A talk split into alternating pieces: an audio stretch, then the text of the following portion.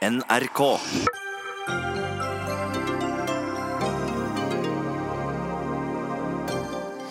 «36 personer havnet uskyldig i fengsel for trygdesvindel etter at Nav tolket regelverket feil, mens flere andre også ble straffet. Frp krever redegjørelse, Rødt vurderer mistillit, mens SV sier det lukter kontrollsak.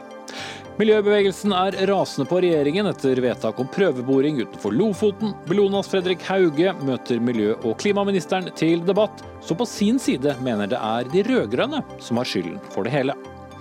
Forsvarssjefen har for stor innflytelse på utformingen av landets forsvars- og sikkerhetspolitikk, sier nestlederen i Stortingets utenriks- og forsvarskomité, Christian Tybring-Gjedde. Han mener politikerne blir gisler for forsvarssjefens konklusjoner. Og May I have a flat white, please? Eller kan jeg få kaffe med melk? Språkrådet fortviler over folk som serverer oss som ikke snakker norsk.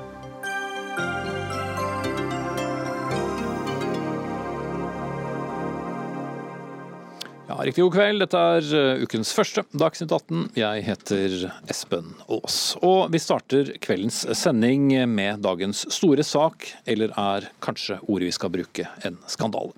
48 trygdemottakere har blitt feilaktig dømt fordi Nav har tolket regelverket feil, og ifølge Riksadvokaten har så mange som 36 personer feilaktig havnet i fengsel, med straffer opptil åtte måneder. Navs egen gjennomgang viser at hele 2400 tilbakebetalingssaker kan være feil. Sigrun Vågeng, du er direktør i Nav. Kort fortalt, hva har gått galt? Jeg vil aller først starte med å si at uh, dette er en uh, veldig lei sak, som jeg er veldig lei meg for. Det er en sak hvor vi sterkt beklager overfor de som er berørt av saken. Hvordan havnet vi der? Og vi, og vi må gå tilbake til 2012 for å se hvor vi startet. Det var sånn at Da kom det en ny trygdeforordning eh, som sa noe om opphold i andre land. Mm. Og en forordning, hva er det? Det er, er EU-lovgivning, for å si det ganske enkelt. Den, og den skulle måles opp mot nasjonal lovgivning. Vår, eller Navs formening på det tidspunktet det var at nasjonal lovgivning, folketrygdloven i Norge, som sier noe om at du må oppholde deg i Norge for å få rett til kontantytelser, den var ikke i konflikt med EU-regelverket som kom. Det gjorde at vår tolkning ble lagt til grunn for den måten vi behandlet sakene på. Vi behandlet de sakene fram til 2017, altså fra 2012 til 2017, før vi første gang fikk en kjennelse fra Trygderetten som sa noe om at eh, vi hadde ikke tatt nok hensyn til EU-regelverket, og at vi kunne ha tolket dette feil. Mm. Og EU-regelverket åpnet da for at folk f.eks.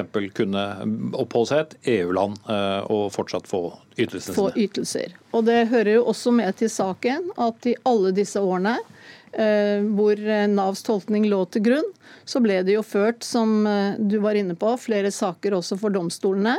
Det var ingen fra påtalemyndighetene, det var ingen fra domstolene som hadde noen innvendinger til den måten å tolke, regel, tolke dette regelverket på. Mm. Fordi de regnet med at ting var som det hadde vært, som var norsk lov? Ja, Jeg vet ikke hva de regnet med, men vi har lagt til grunn i vår tolkning at folketrygdloven og dens bestemmelser var ikke i strid med EU-regelverket. Det var begrunnelsen vår. Da Trygderetten første gang på, i eh, annet halvår i 2017 begynte å gi oss noen tilbakemeldinger på at her, eh, her, hadde vi vurdert feil. Så gikk vi inn, satte i gang og fikk en juridisk vurdering av dette.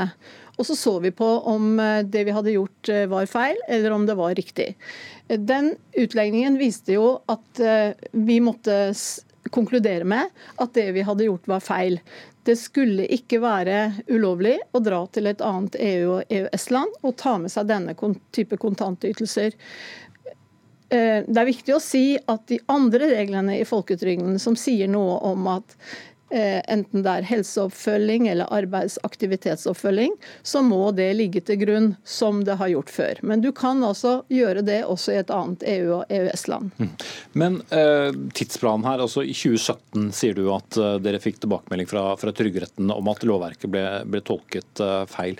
Men dere fortsatte å tolke det på samme måten da lang, en, en, stund etterpå? Dette er en komplisert sak, og jeg tror det er veldig viktig at vi skiller nå mellom eh, eh to ting. Eh, høsten 2017 så fikk vi noen dommer fra Trygderetten. Noen ga oss rett i det vi sa, vi, men det var første gangen vi fikk noen med tilbakemelding på at vi hadde tolket dette for strengt eller feil opp mot EU-lovgivningen. Det dreide seg om korttidsopphold ute. Um, og vi tok da og gikk inn og så på dette. I løpet av året hadde vi kontakt med departementet, og vi uh, uh, sa at vi må endre reglene når det gjelder det med korte opphold ute i, i andre EU-EØS-land. Uh, eh, I den prosessen så begynte vi også å se på det som handlet om langvarig opphold i andre land. Og Det var den juridiske vurderingen. altså Det er jo, det er jo sånn at vi har aldri anmeldt noen eh, gjennom eh, domstolene.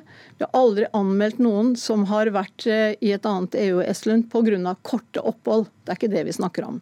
Men så begynte vi å se på de langvarige oppholdene, og det var der vi så at der hadde vi tolket feil. Og Det er det som har vært grunnlaget for anmeldelser, og det er på det grunnlaget at domstolene har gitt sine vurderinger og, og felt sine dommer. Mm. Men da denne forordningen da, eh, kom tilbake i 2012, eh, var det ingen som leste den, eller hvordan? Eh? Det kan ikke jeg svare på. Det ville overraske meg. Dette handler jo ikke om hva man har lest, men dette er et komplisert juridisk område. Det er et felt hvor, hvor det er tolkning. Eh, og da tolket man det dit hen at det var den norske folketrygdloven som sier at du må oppholde deg i Norge for å få denne type ytelser, som ble lagt til grunn. Det var ikke i konflikt med EU-regelverket. Og så er det altså å si at helt fram til i slutten av 2017 så var dette det som lå til grunn, både hos påtalemyndigheter, hos domstolene og i vår fortolkning. Mm. Arbeids- og sosialminister Anniken Hauglie fra Høyre, når fikk du vite om at det var praktisert feil? Ja, eh, det første brevet som vi fikk inn eh, når det gjaldt de korttidsytelsene som direktøren også nevner her, det var eh, før jul i fjor. Og så har det vært en utvikling i saken, som også Våging sier, eh, hvor man da gikk fra først å diskutere korttidsytelsene, eh, eller korttidsoppholdene, til å diskutere de lengre oppholdene, som jo, er et, eh, som jo har blitt si, dømt hardere. Det kom i høst. Så dette er en veldig veldig alvorlig sak på mange måter. Det at man har fått inn en forordning i 2012 som har blitt tolket feil, og at man ikke på noe som helst sted, eh, så vidt vi har kunnet se, har avdekket dette før nå, er jo veldig alvorlig. og Derfor har vi også sagt i dag uh, fremste, Vår fremste oppgave nå er jo å behandle sakene på nytt. Uh, Få rette opp i den feilen som er begått overfor de som urettmessig har blitt straffet. Ivareta de på en god måte. Jeg har også bedt i dag om å få redegjøre for Stortinget i saken. Men kanskje også viktig med tanke på å finne ut mer, er jo den, eh, at jeg nå har varslet en ekstern gransking av hva som har skjedd fra 2012 og fram til nå, for å kunne se hva er det som har skjedd underveis som har gjort eh, denne saken eh, mulig. For det er helt forferdelig det som har skjedd. Hvorfor ble ikke engang Riksadvokaten orientert før, for knappe to uker siden, altså 16.10? Ja, kan kanskje Våging redegjøre mer for det, men så langt som vi har sett, da, så oppdaget jo direktoratet i høst at, var, at, tolkningen kanskje også handlet om de mer langvarige oppholdene. Og fra, den, fra det ble satt på dagsordenen internt i direktoratet til eh, Riksadvokaten ble kontaktet, så tok det ikke mange, mange ukene. Da ble også de sakene stilt i bero. Så, men er, dette er en sak som er alvorlig på mange områder. Særlig det at det har kunnet pågått i så mange år uten at det har blitt avdekket eh, noe sted, og ikke noe kompetente miljøer, er veldig eh, alvorlig. Mm politiske miljøet har jo også blitt rystet av dette i dag. Audun Lysbakken, du er leder av SV. Hva slags konsekvenser burde denne saken få, og for hvem? Før vi kommer dit, så må vi jo diskutere eh, hva som har skjedd, og få alle fakta på bordet. Derfor er jeg glad for at eh, statsråden har eh, eh tatt initiativ til å komme til Stortinget og redegjøre. Jeg eh, SV sin stortingsgruppe sendte et brev til henne og ba om det samme. Det har hun eh, da allerede sjøl meddelt at hun vil gjøre, for det er mange ting vi må finne ut av her. Dette er, sånn, dette er jo en katastrofe for de menneskene det gjelder. Eh, den enorme belastningen det innebærer å bli dømt uskyldig for trygdesvindel. Men det er også en, en politisk katastrofe, for vi må ha et system eh, som eh, ivaretar rettssikkerheten til innbyggerne. Og Da er det også Stortinget sin plikt å gå eh, ordentlig inn i dette for å finne ut f.eks. hva som har skjedd mellom 2017 og nå. da. Og hvor lenge departementet har visst dette, og hvem som eventuelt må ta ansvaret for at det f.eks. tar så lang tid før Riksadvokaten får vite noe. Men jeg, men jeg vil understreke at dette handler om sant, alvoret i denne saken er sånn at nå må vi ikke hoppe til konklusjonene, vi må gå grundig inn i det. Eh, og det får Stortinget en mulighet til Eh, ja, så, så, raskt som mulig, håper jeg. En første møtedag er tirsdag i neste uke. Jeg håper at uh, vi kan få den redegjørelsen allerede da. Mm. Uh, og Det er selvfølgelig lettere å, å, stille spørsmål enn å finne svar, Anniken Hauglie, men det fremstår jo nærmest som et paradoks at ingen i noe ledd, ikke advokater, ikke dommere, ikke statsadvokat, noen har uh, stilt spørsmål eller sett denne forordningen. Hva sier du til folk som har sittet i fengsel for noe de Nei, ikke skulle vært fengslet for? Det er, altså så, det er så forferdelig å tenke på at mennesker mennesker har blitt dømt uh, uskyldig på feil grunnlag, og at uh, ingen uh, miljøer som man kanskje kunne forvente at skulle ha oppdaget det, har oppdaget det. At det har pågått i så mange år før Trygderetten selv begynner å stille spørsmål ved det. Nav tar tak i saken deretter, går inn og utreder sakene og vurderer sakene, eller spørsmålet på nytt og kommer frem til da på eget initiativ at det har vært feil rettsanvendelse. Det er klart at det er dypt beklagelig. og Derfor er det også så viktig for oss nå, i første omgang nå, er jo å få å si, identifisert alle de det gjelder. Sørge for at man får eh, rettet opp og ivaretatt de på en god måte. Og at vi får en ekstern gransking for å se hva er det som har gjort denne saken mulig. Hvor er det det har gått eh, galt. Og da først og fremst med tanke på at dette er jo, eh, dette er jo saker som vi må unngå at skjer igjen. Mm. Men hvor det har gått galt, er vel utgangspunktet hos deg, Sigrun Håge? Ja, det er det. Og derfor er jeg veldig glad for at vi skal få en ekstern gransking på dette. Fordi eh, her er det viktig, som Audun Lysbakken også sier, at vi får alle fakta på bordet, at vi får vite hva dette er. Et faktum er f.eks. at det var ikke naturlig for oss å ta kontakt med Riksadvokaten eh, akkurat da Trygderetten kom med sin uttalelse. Det dreide seg om eh, eh, korttidsopphold. Eh, da vi visste at vi også måtte inn og se på langtidsoppholdene, så var det ikke mange ukene fra vi var i gang med å, å vurdere på hvilken side av tolkningen vi skulle falle ned. Altså Vi vurderte det veldig tydelig. Skulle, altså Når vi får en kjennelse, så har vi to valg. Eh, det ene er å vurdere endre vår praksis, det andre er å ta det videre til lagmannsretten. Og Vi vurderte det dit hen i denne saken at uh, her så det ut til at vi måtte endre praksis fordi vi hadde tolket loven feil. Da ga vi beskjed i domstolapparatet til påtalemyndighetene, ba dem om å stoppe, sette ting i bero mens vi kom til den endelige avgjørelsen. I den perioden var vi i kontakt med Riksadvokaten. Så som jeg sier, det var ikke mange ukene fra vi gjorde vår endelige vurdering, til vi hadde en, formell eh, samtale med Riksadvokaten i sakens anledning. Mm. I et brev Trygderetten har publisert i dag, så står det at de endret praksis allerede i 2017, og at de sendte disse sakene tilbake til dere til ny behandling pga. feilaktig vurdering av forordningen. Da. Men praksisen ble da ikke endret med en gang. De sakene som kom tilbake til oss fra Trygderetten, der var det noen som ga oss medhold. Og det var noen eh, som var i retning av det vi snakker om nå. Så er det sånn at når vi får kjennelser, og vi skal endre praksis, gå til departementet og snakke med dem om det, da må vi være sikre på at vi gjør en selvstendig vurdering. Eh, vi har et tolkningsansvar for dette.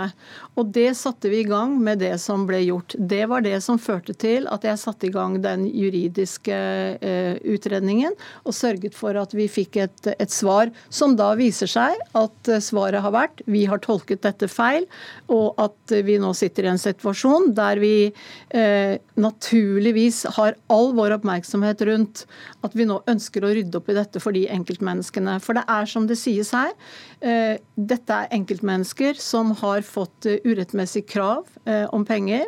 Det er anmeldelser som er sendt, som domstolene har eh, dømt ut fra eh, det de har gjort.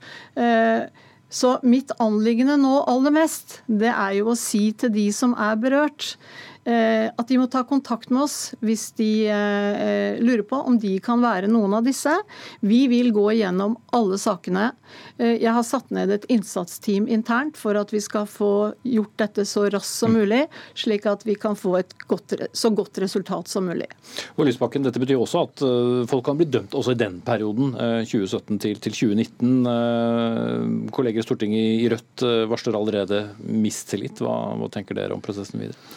Altså, jeg, jeg, tenker at Dette er en sak som er så alvorlig at vi ikke skal utelukke noen ting. Men jeg mener også at vi skal begynne med fakta. Eh, eh, det aller viktigste mener jeg for Stortinget sitt arbeid nå må jo være å påse at de som er rammet av dette, får den oppreisning og rettferdighet som de skal ha. Eh, og følge med på Nav og regjeringen sitt arbeid med det. Og Så er det jo disse spørsmålene da. Burde alarmen gått tidligere? Kunne den det? Hva har skjedd i perioden mellom 2017 og nå? Hva har statsråden visst? Når burde den informasjonen eventuelt kommet til oss? Men det er jo ting som statsråden nå må få muligheten til å redegjøre eh, for. Så jeg tenker at Nettopp fordi saken er så alvorlig, så vil ikke jeg hoppe til konklusjonene nå. Fordi dette må ikke bli et politisk spill, dette må bli eh, en prosess som gir mennesker som altså er utsatt for en rettssikkerhetsskandale, den oppreisningen de fortjener. Ina Strømstad, du er tingrettsdommer og medlem av dommernes mediegruppe. Hvordan har dere reagert på denne skandalen, for den, den rammer jo dommerstanden også? Ja, Det har vært en tung dag for oss i, i, domstolen også. og I likhet med de andre her, så vil jeg også på vegne av domstolen beklage eh, overfor de som er berørt, og de som har fått en uh, uriktig dom.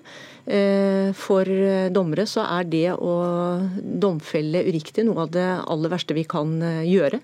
Så det er klart at dette har preget oss i dag. Mm. Men igjen, her dukker også det samme spørsmål opp. Hvorfor er det ingen som oppdager det, når man også skal eh, behandle det i, i, i en rettsinstans, hvor det både er et forsvar, hvor det er et aktorat, og til slutt eh, hvor det er dommere som skal uh, ta en avgjørelse? Mm. Dette er en, en, problemstilling som så langt vi vet i hvert fall, uh, ingen har sett. Eh, og Det innebærer at eh, når sak, den enkelte saken har vært reist for domstolen, så har ikke påtalemyndigheten eller forsvarerne eller eh, dommeren på eget initiativ sett at dette har vært et problem. Og Det er en kompleks problemstilling, det er det ikke noe tvil om. Og bare for å forklare litt. Når vi behandler straffesaker, det vi da får til behandling, det er en, et anklageskrift, en tiltalebeslutning. Eh, der står det henvist til en straffebestemmelse, eh, bedrageribestemmelsen. Eh, så det er ikke da vist til disse bestemmelsene vi nå snakker om, folketrygdloven, EU-forordninger, e men til denne straffebestemmelsen, som i og for seg er grei og, og relativt lettfattelig. Og så har da som sagt verken påtalemyndigheten eller forsvarer reist dette som et problem. Eh, hvis først dette faktumet her, som eh, påtalemyndigheten legger frem, hvis først det er riktig, så har på en måte alle vært enige om at ja, men da er det grunnlag for domfellelse. Mm. Men stoler vi for lett på det offentlige? Ja, det, Der er jeg helt enig i det Riksadvokaten sa på mhm. pressekonferansen i dag. At uh, nå må vi nok eh, alle uh, Vi har fått den vekkeren, og nå må vi nok alle tenke at selv om problemstillingen ikke er reist, så må vi gå dypt inn i jussen. Ned i disse underliggende lagene, som EU-forordningen, folketrygden, hva enn det måtte være, kan tenkes å reise i saken. Mm. Hva gjør det med tilliten til, til domstolen? Dette ingen, eh, har ikke vært noen god dag for domstolen, eh, men jeg kan jo understreke at dommere går på jobb hver eneste dag nettopp med det for øye at det verste eh, vi kan gjøre, det er å domfelle uriktig, og det skal vi fortsette å ta på alvor. Så kan selvfølgelig dommere ta feil. Dessverre har det sett til å ha skjedd i denne saken, og vi skal gjøre vårt for at det ikke skjer igjen. Mange som kanskje deler på, på skylden her, men så fiks vi var altså de som hadde minst skyld. Takk skal dere ha alle fire. Anniken Hauglie, arbeids- og sosialminister fra Høyre. Sigrun Vågeng, eh, eh, Nav-direktør. Ina Strømstad, tingrettsdommer. Og Audun Lysbakken, leder av SV. Dagsnytt 18 alle hverdager klokka 18.00 på NRK P2 og NRK2.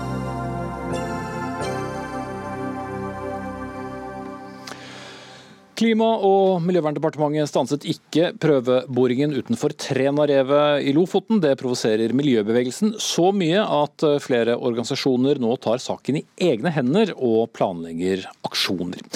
Miljødirektoratet ga i juli tillatelse til prøveboring, til tross for at Havforskningsinstituttets klare råd har vært at området ikke bør åpnes for oljevirksomhet. Og Fredrik Hauge, du er leder i Bellona og med oss eh, fra Balstad i Lofoten. Eh, hvorfor har du tatt på deg islenderen, og hva har du planer om i området? Nei, dette er en veldig veldig trist dag. Det er en trist dag fordi man nå tillater uh, oljeboring i et av de aller mest sårbare områdene langs med hele kysten. Det er flere steder hvor mindre utslipp kan gjøre større skade, men det er kanskje ikke noe sted hvor et stort utslipp kan gjøre så stor skade som her. Og dette er en trist dag fordi vi også har mistet fullstendig Venstre som miljøparti. Det er et svik mot miljøkampen. Men det er jo ikke sånn at det ikke er blitt behandlet i flere instanser, da? Jo, men denne saksbehandlingen har vært svært uheldig. Eh, det vi registrerer, det er ikke bare et avslag fra, fra, ministeren i dag på vår klage, men det er formuleringer i dette som er uforbeholdent oljeindustriens argumentasjon. I denne saken har vi en rekke eksempler på at i klageprosessen, når vi har stilt spørsmål, har Miljødirektoratet bare umiddelbart sendt over saken til oljeselskapet, tatt svaret og sendt videre til departementet. Eh, dette dette er ikke en selvstendig vurdering. Eh, både Miljødirektoratet og Petroleumstilsynet har mottatt svært sterk kritikk i to rapporter fra Riksrevisjonen det siste året. Denne saken forsterker denne kritikken, og, og, og dette er kanskje en av de alvorligste sakene vi har hatt i Norge når det gjelder miljøkonsekvenser hvis det skjer en storulykke. Mm. Ola Elvestuen, miljø- og klimaminister ble fra Venstre, et parti som der ble avskiltet som miljøparti av, av Hauge. Hva slags eh, smak har du i munnen i dag? Det står på sin egen urimelighet. Men jeg er helt enig med Fredrik Hauge at dette er et område hvor det ikke burde vært eh, petroleumsaktivitet.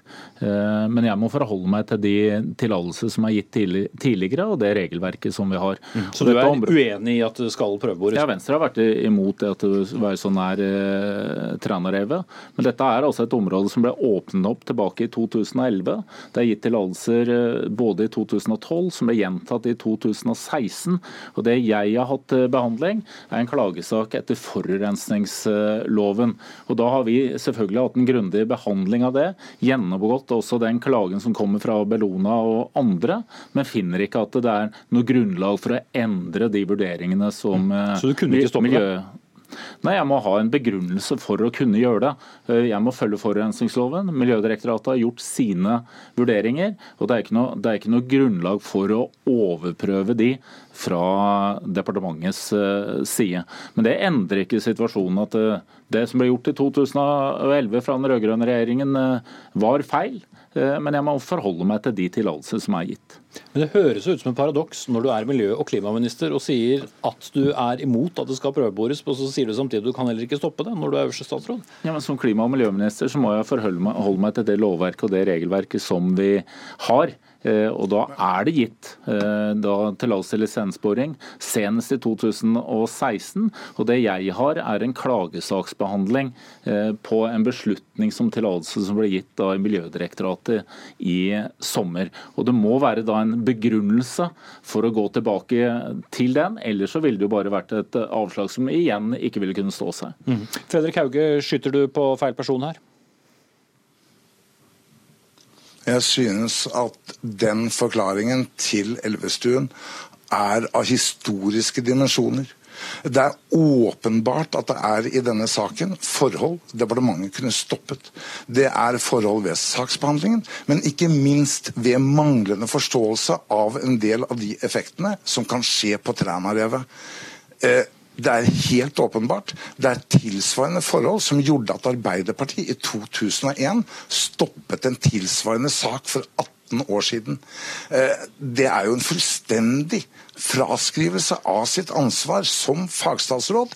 Og det er basert på en ensidig eh, lytting på oljeindustrien. Det er basert på at han ikke har tatt inn over seg Riksrevisjonens sterke kritikk. Vi må huske på dette er en konsekvensutredning fra 1994.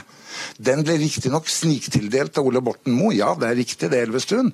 Men Du har jo et faglig ansvar når det kommer opp nå faglige anbefalinger om at dette er mye mer sårbart og verdifullt enn vi trodde og det skal behandles i forvaltningsplanen neste år, ja, da kunne gjort akkurat det samme som Arbeiderpartiet. Det er mer enn gode grunner hvis ikke du bare hører på oljeindustrien. Dette er frarådet av fagetatene. Du frasier deg din evne som politiker til å styre landet. Det er helt ubegripelig, Elvestuen. I 2001 så var det heller ikke noe avslag. Man, man uh, ga oppsettende virkning, og så løp det en tillatelse som løp ut. Men vi har jo et helt annet lovverk som jeg nå forholder meg til. Hvor det har kommet disse rundene med, med, med åpninger i modne områder, disse TFO-områdene. Og du har også et uh, forvaltningsplaner som er kommet til i etterkant. Og så er det jo nettopp gjort de, de vurderingene ut fra det som er Miljødirektoratet sin, som er vår fagmyndighet som selvfølgelig har kompetanse til også å gjøre disse vurderingene.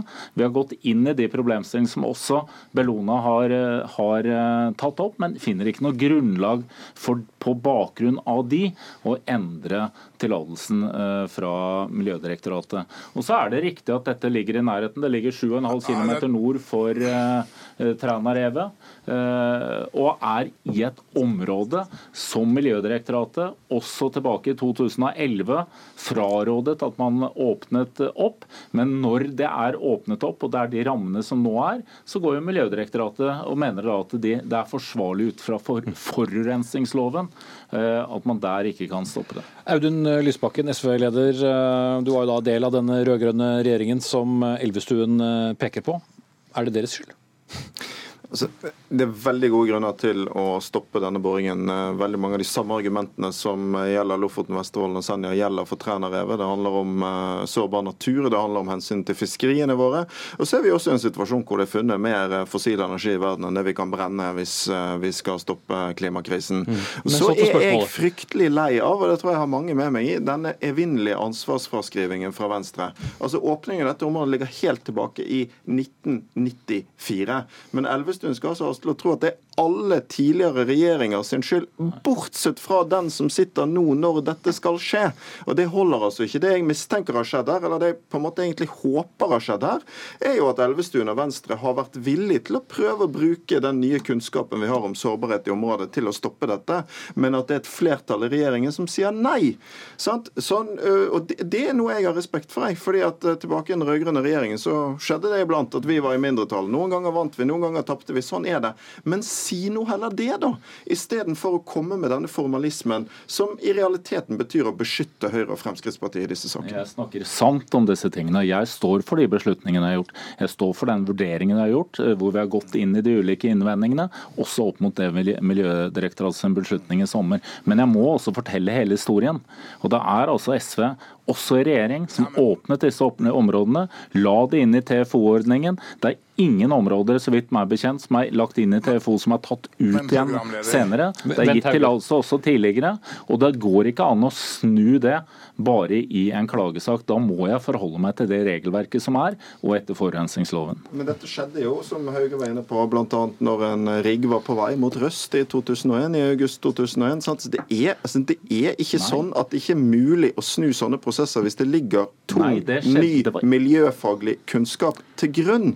2001 da, var det, det ikke det samme rammeverket som er i dag. Det var ikke TFO-ordning. Og det som skjedde den gangen, var at man ga oppsettende virkning. Den klagen ble så ikke behandlet inntil tillatelsen hadde gått ut, og det ble aldri søkt på nytt fra selskapet som, som eh, ble stoppet i 2001. Så det er en helt annet rammeverk man opererer med. Jeg vil høre Hauge fra, fra Botten hvor han er.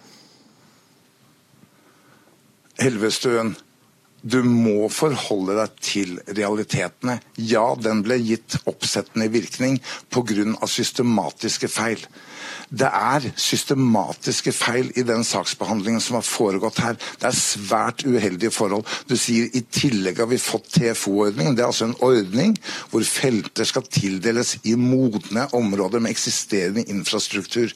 Dette er jo en del av saken dere ikke har behandlet, og sagt at det må Olje- og energidepartementet svare på. Den delen av klagen er ikke behandlet. Men det er jo ikke et modent område. Det er jo ikke boret her. Og for meg så er det sånn, Dere kan sitte og krangle om hvem som har skylda. Dere åpner nå noe av det mest verdifulle området, som senest i april fagekspertene kom med ny informasjon Elvestuen, ny faglig informasjon som tilsier at dette er mer sårbart og verdifullt enn vi trodde når vi lagde siste forvaltningsplan. Okay. Du tar ikke den informasjonen med deg. Da, da det er en, en skandale. Ok, eh, Da skal Elvestuen få en siste mulighet til å Dette Det viser jo nettopp hvor viktig det er at man tar det langsiktig, at man ikke åpner opp nye områder. Nettopp nå, og den forvaltningsplanen som kommer til vinteren, så er det nettopp en diskusjon om Barentshavet nord, hvor vi har markert tydelig. I denne saken så er det som jeg har ansvar for, er forurensnings, eh, eh forurensningsloven. Så ingen grunn til selvkritikk? Nei, det er ikke noe. Det er ikke noe. Vi har gått inn i at det er ikke grunnlag for å si at det her har Miljødirektoratet gjort andre vurderinger eller feilvurderinger. At det er saksbehandlingsfeil er jo påstander fra Fredrik Hauge som klager, men vi har ikke funnet noe grunnlag for å gjøre det. Mm. Ok, Da får det bli siste ord, men det er også varslet eh, flere aksjoner utenfor Træna Revet. Takk til eh, miljø- og klimaminister eh, Ola Elvestuen, Audun Lysbakken, leder av SV, og altså Fredrik Hauge, leder av Bellona, med oss fra Lofoten.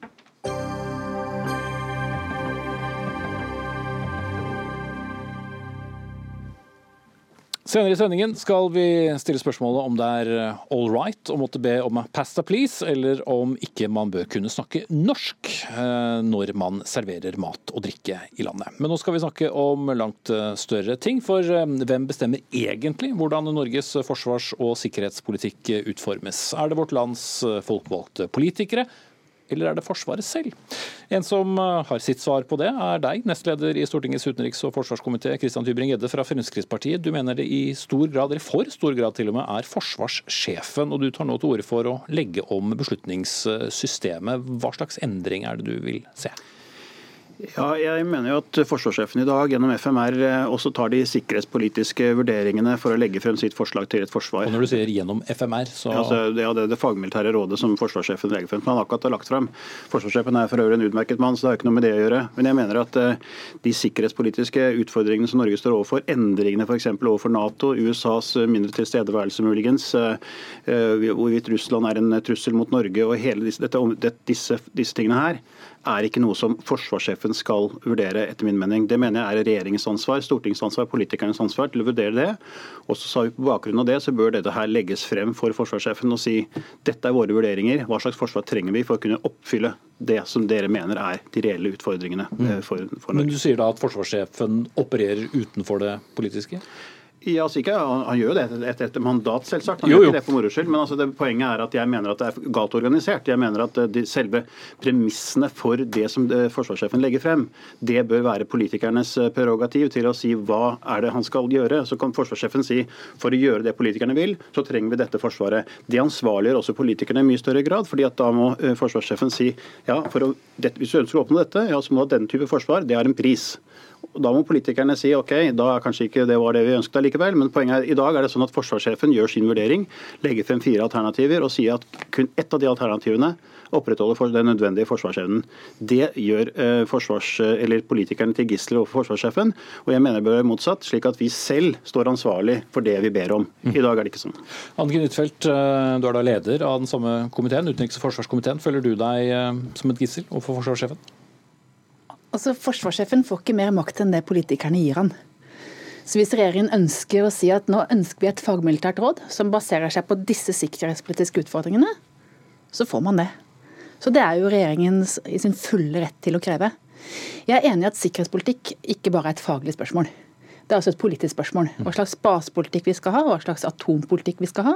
Forholdet til våre naboland, det er i høyeste grad et politisk spørsmål. Og det skal og bør vi ikke overlette til forsvarssjefen.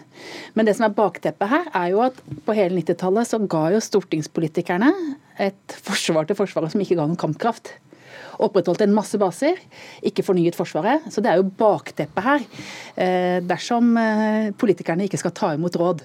Men jeg mener at det er en ganske god ordning at vi tar beslutninger. Og jeg mener det fagmilitære rådet vi har fått nå, det åpner jo at politikerne kan ta flere beslutninger. For det er veldig mye som han prioriterer. Og det som var Forrige gang vi lagde langtidsplan, da, så var det jo én stor forskjell på forsvarssjefens råd og det som ble vedtatt på Stortinget. Det var overvåkingsfly.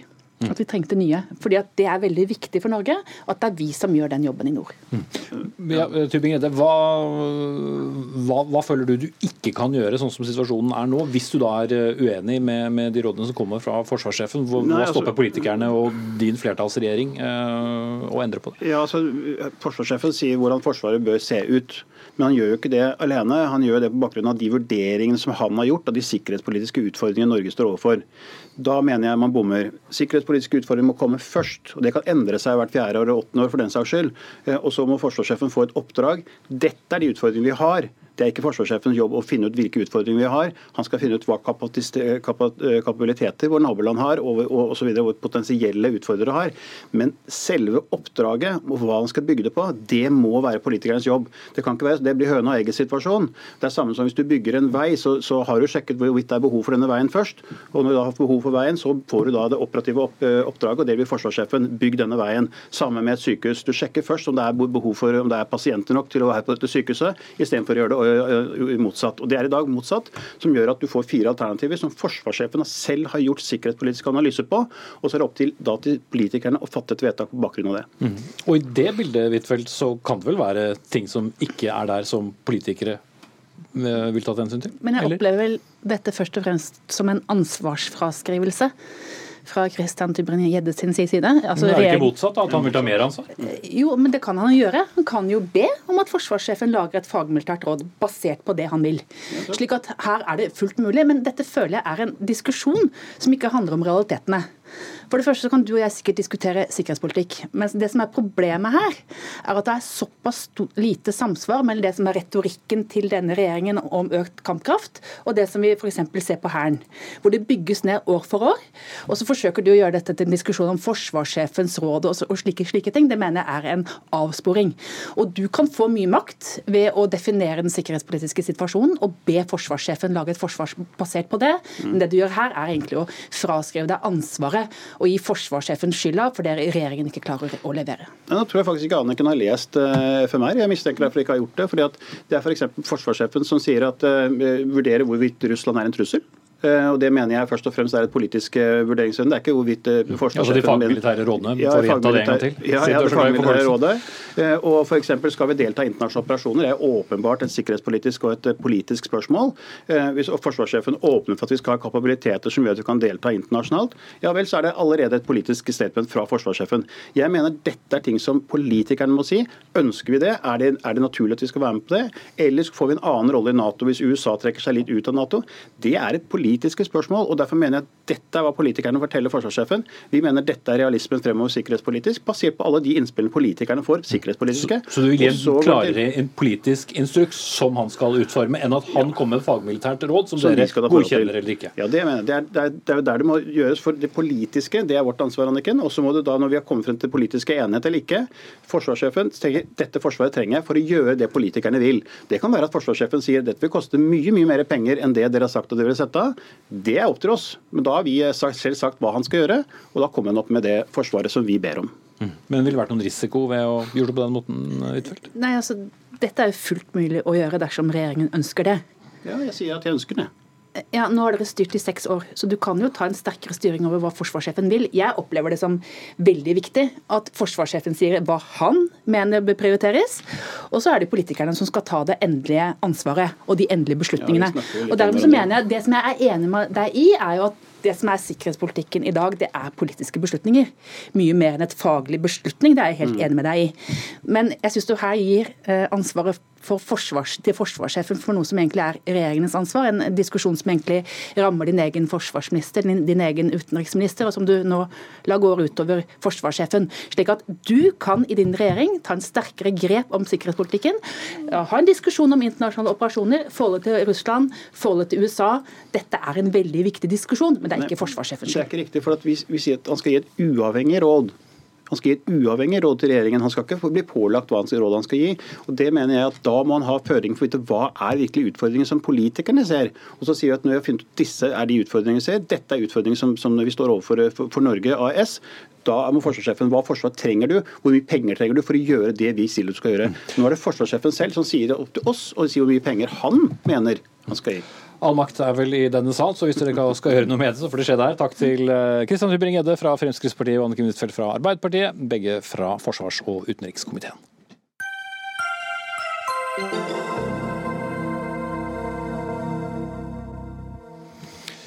Faste publikummere av Dagsnytt 18 har jo fått med seg at det har stormet eh, en del rundt nedleggelsen av studietilbudet på Nesna i Nordland. Midt oppi det hele så ønsket rektoren ved Universitetet i Tromsø, Anne Husebekk, å utrede om hvorvidt universitetet kunne starte et nytt tilbud på det samme stedet.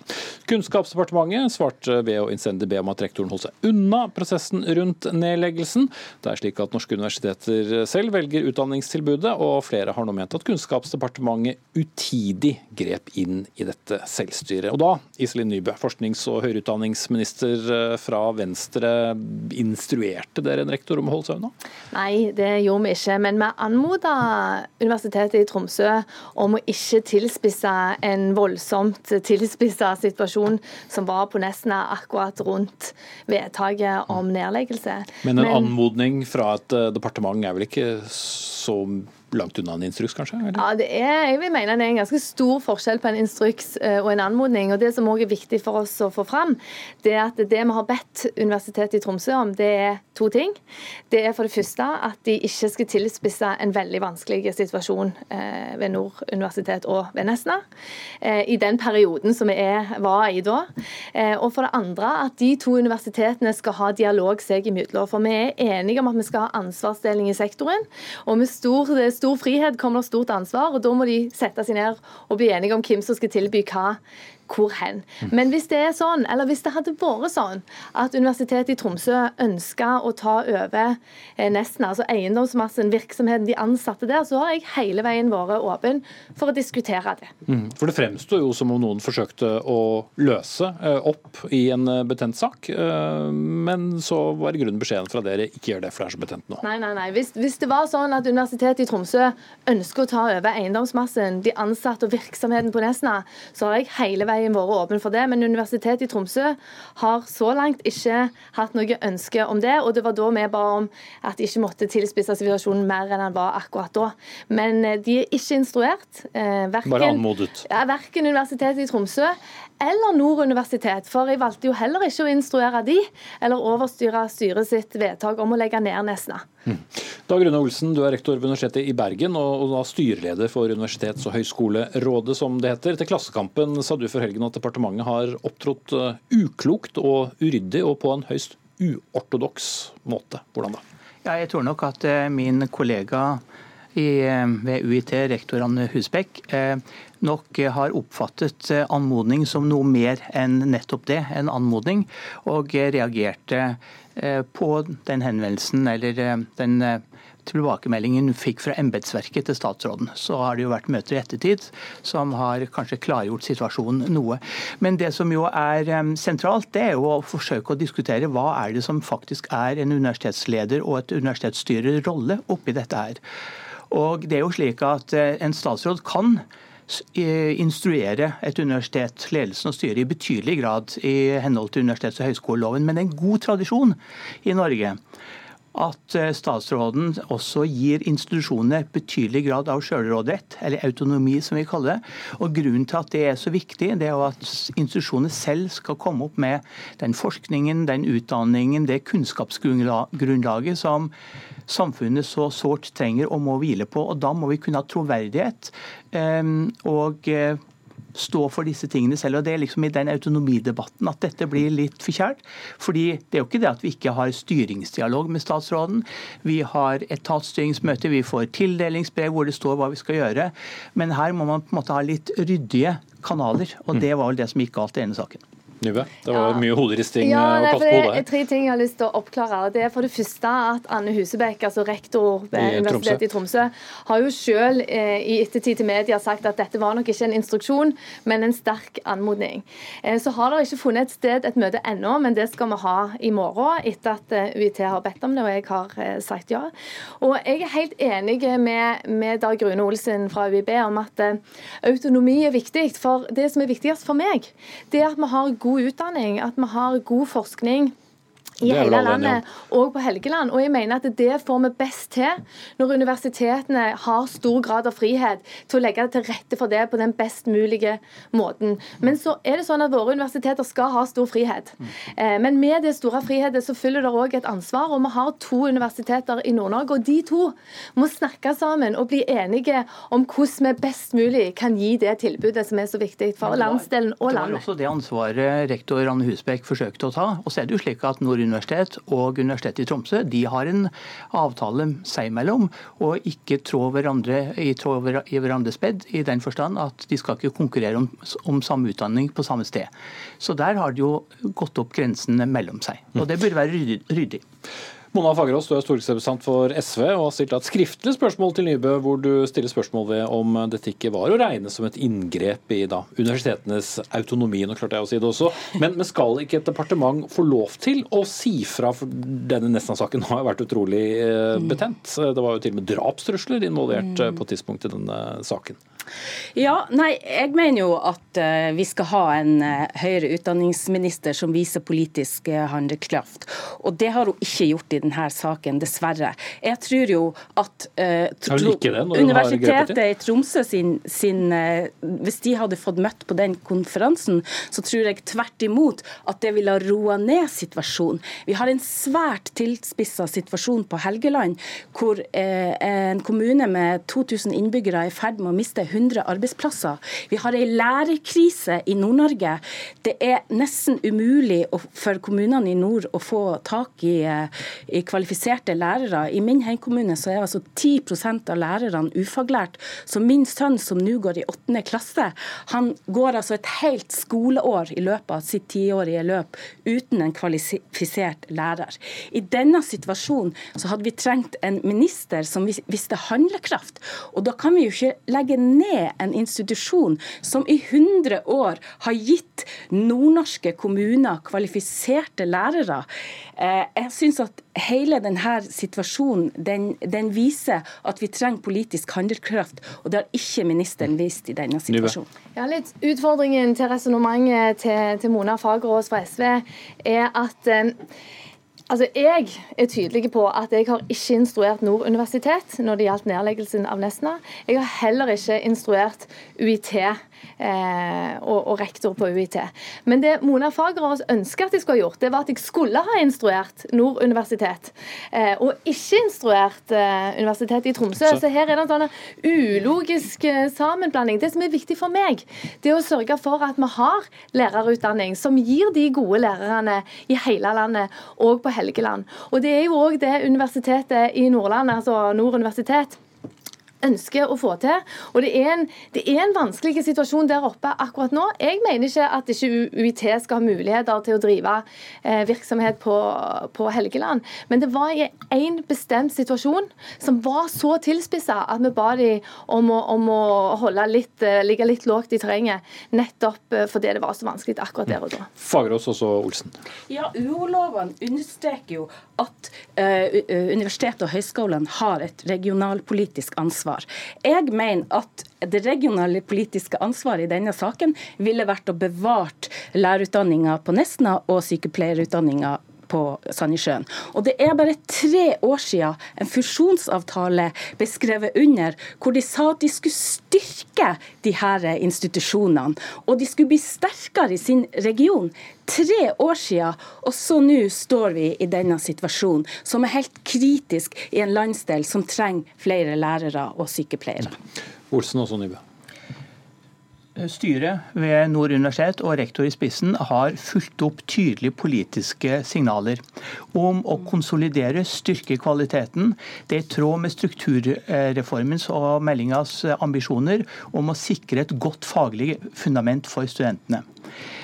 Man kan naturligvis løse det på forskjellige måter. Nord universitet har gjort noen prioriteringer. Men det er ikke noe tvil om at norske universitets- og høyskoleledere og styrene er lydhøre for politiske signaler. Det er ikke noe tvil om hvem som eier og styrer oss, men vi er, det er grunn til at man har styrer og ledelse. Og det er for at de skal ta selvstendige, velbegrunnede og kunnskapsbaserte valg. Og det gjør de. Men da blir det også feil å skyte på de samme styrene når de følger opp helt tydelige eh, kommuniserte politiske signaler gjennom vedtak i Stortinget, når man ser konsekvenser som man lokalt, der og da, ikke liker. Problemet her det er at vi på en måte ikke tar de prinsipielle debattene, men får sånne adhoc-debatter eh, når en eller annen høyskole eller en campus skal legges ned. Det er ikke godt nok. Mm.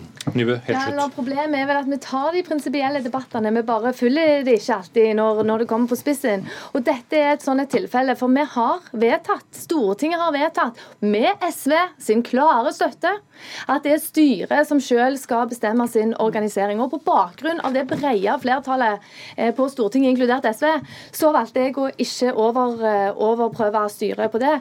Men jeg er jo helt enig i at eh, vi må vi må ha gode og sterke institusjoner. Vi må ha den utdanningen i hele landet. Vi må sørge for at vi har lærere og sykepleiere. og Det er en av våre viktigste samfunnsoppdrag som sektor, som universiteter og høyskoler. og Det er det vi må jobbe med hver eneste dag. Vi må, vi må strekke oss for å klare å levere de gode lærerne og de gode sykepleierne. Mm. Så har vi kanskje lært forskjellen på anmodning og instruks også. Takk til Iselin Nybø, forsknings- og høyere utdanningsminister fra eh, Venstre, Mona Fagerås, stortingsrepresentant eh, fra SV, og Dag Rune Olsen, rektor ved Universitetet i Bergen, og også i denne saken styreleder for Universitets- og høyskolerådet. Hør Dagsnytt 18 når du vil. Radio NRK Radio.nrk.no.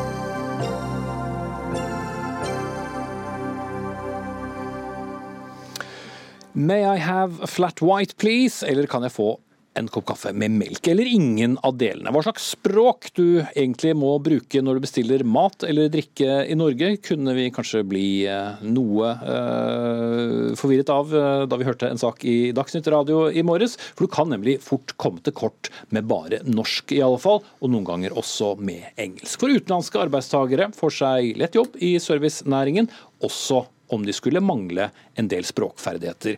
Og Sånn får det vel nesten bare være, forstår jeg dere i nyhetene i NRK i morges. Ivar H. Christensen, du er administrerende direktør i Virke, hovedorganisasjonen for handels- og tjenestenæringen. Hvorfor skal vi ikke forvente å bli servert på norsk? Nei, Jeg tror vel at de fleste av oss som er født i Norge og sånn, vil nok forvente at, eh, at de skal kunne bli servert på norsk. Men eh, jeg vil jo si det at denne bransjen, da, serveringsbransjen, er jo ganske flink da, og Eh, og modig når de da ansetter mennesker som da ikke har gode nok norskkunnskaper, og faktisk gir de arbeidstrening og òg muligheter til, til, språktrening. Men jeg tror nok de fleste av oss, som den undersøkelsen òg viser, eh, antar at vi forventer kanskje å bli servert og, på, på, norsk, da. Mm. Men vi får bare finne oss i at vi ikke gjør det? Jeg tror at eh, denne næringen da, er flinke, fordi jeg tror at veldig mange som kommer hit og vil jobbe, en arbeidskraft vi faktisk trenger, Eh, har eh, behov for å komme ut i arbeid og få språktrening. Så hvis det skulle være sånn at arbeidsgivere ikke ansatte noen fordi de måtte ha et gitt nivå da, i serveringsbransjen, så tror jeg vi vil tape noe. Så jeg syns jo det er bra og flott av disse arbeidsgiverne at de faktisk gjør det. Så er det mer spørsmål om hvordan de da legger til rette for at du kan få eh, norsk trening da, mens du er på jobb. Mm. Også Vetås, oss, direktør i Språkrådet, Hva slags minimum av uh, språkkunnskap bør folk som eh, serverer deg mat og drikke ha? Jeg tror det er viktig at alle som skal bo og jobbe i Norge, får tilgang til det som er fellesskapsspråket i Norge. og Den undersøkelsen, eh, den opinion, Opinionundersøkelsen som vi har fått utført, den viser jo at eh, det ser ikke ut som den arbeidstreninga eller den eh, språktreninga på disse arbeidsplassene skjer, fordi at eh, det er i veldig grad, stor grad sånn at folk opplever da å bli serverte på engelsk istedenfor norsk. Og Det er spesifikt engelsk vi har undersøkt her. og Det er klart at det er et, det er et problem for fellesskapsspråket norsk. Vi vil gjerne beholde det. Det er et språkpolitisk mål at vi skal kunne bruke norsk i Norge. Og det er faktisk òg et problem for de arbeidstakerne som da ikke får tilgang til norsk språk eh, gjennom yrkesutøvelsen og på arbeidsplassen sin. Mm, men ytterste konsekvens måtte du kanskje smøre på brødskiva di sjøl, hvis eh, vi ikke får nok arbeidskraft? Nei, jeg tror at eh, en god løsning her vil være å sette i gang med bransjevis kurstiltak arbeidstilbud. For veldig mange av de som dette gjelder, det er EØS-innvandrere som kommer til Norge for å arbeide. Og I motsetning til andre innvandrere så har altså ikke de tilgang til noe organisert eh, norskopplæringstilbud. Jeg tror òg at eh, arbeidsplassen er en veldig god eh, arena for språklig integrering, men da trenger en grunnleggende, litt grunnleggende norskopplæring i bånn. Kanskje bransjespesifikke, sånn at en lærer seg det basale ordforrådet i den bransjen en skal inn i. Og så da kunne gå ut og trene norsk på arbeidsplassen. Og Der tror jeg faktisk de fleste av oss er ganske rause og, og romslige, sånn at det ville gå helt greit, selv om norsken ikke var perfekte. Mm. Men eh, er det kostnaden ved å lære opp nye medarbeidere i, i norsk som ville vært hovedproblemet, Christensen? Nei, jeg tror jo at uh, i utgangspunktet, så mange av disse som kommer her, så, så, vil jeg jo tro at de kanskje ønsker å faktisk uh, lære seg norsk. Jeg tror at de ønsker i hvert fall å fungere best mulig på arbeidsplassen. Og så reflekterer jo dette at Norge er jo blitt et mye mer internasjonalt samfunn nå, så jeg tror her er litt variasjoner i forhold til hvilken del av landet du er i. Men hvis du er i Oslo, så har vi jo blitt servert av, av svensker og, og sånn i, i, ganske lang tid.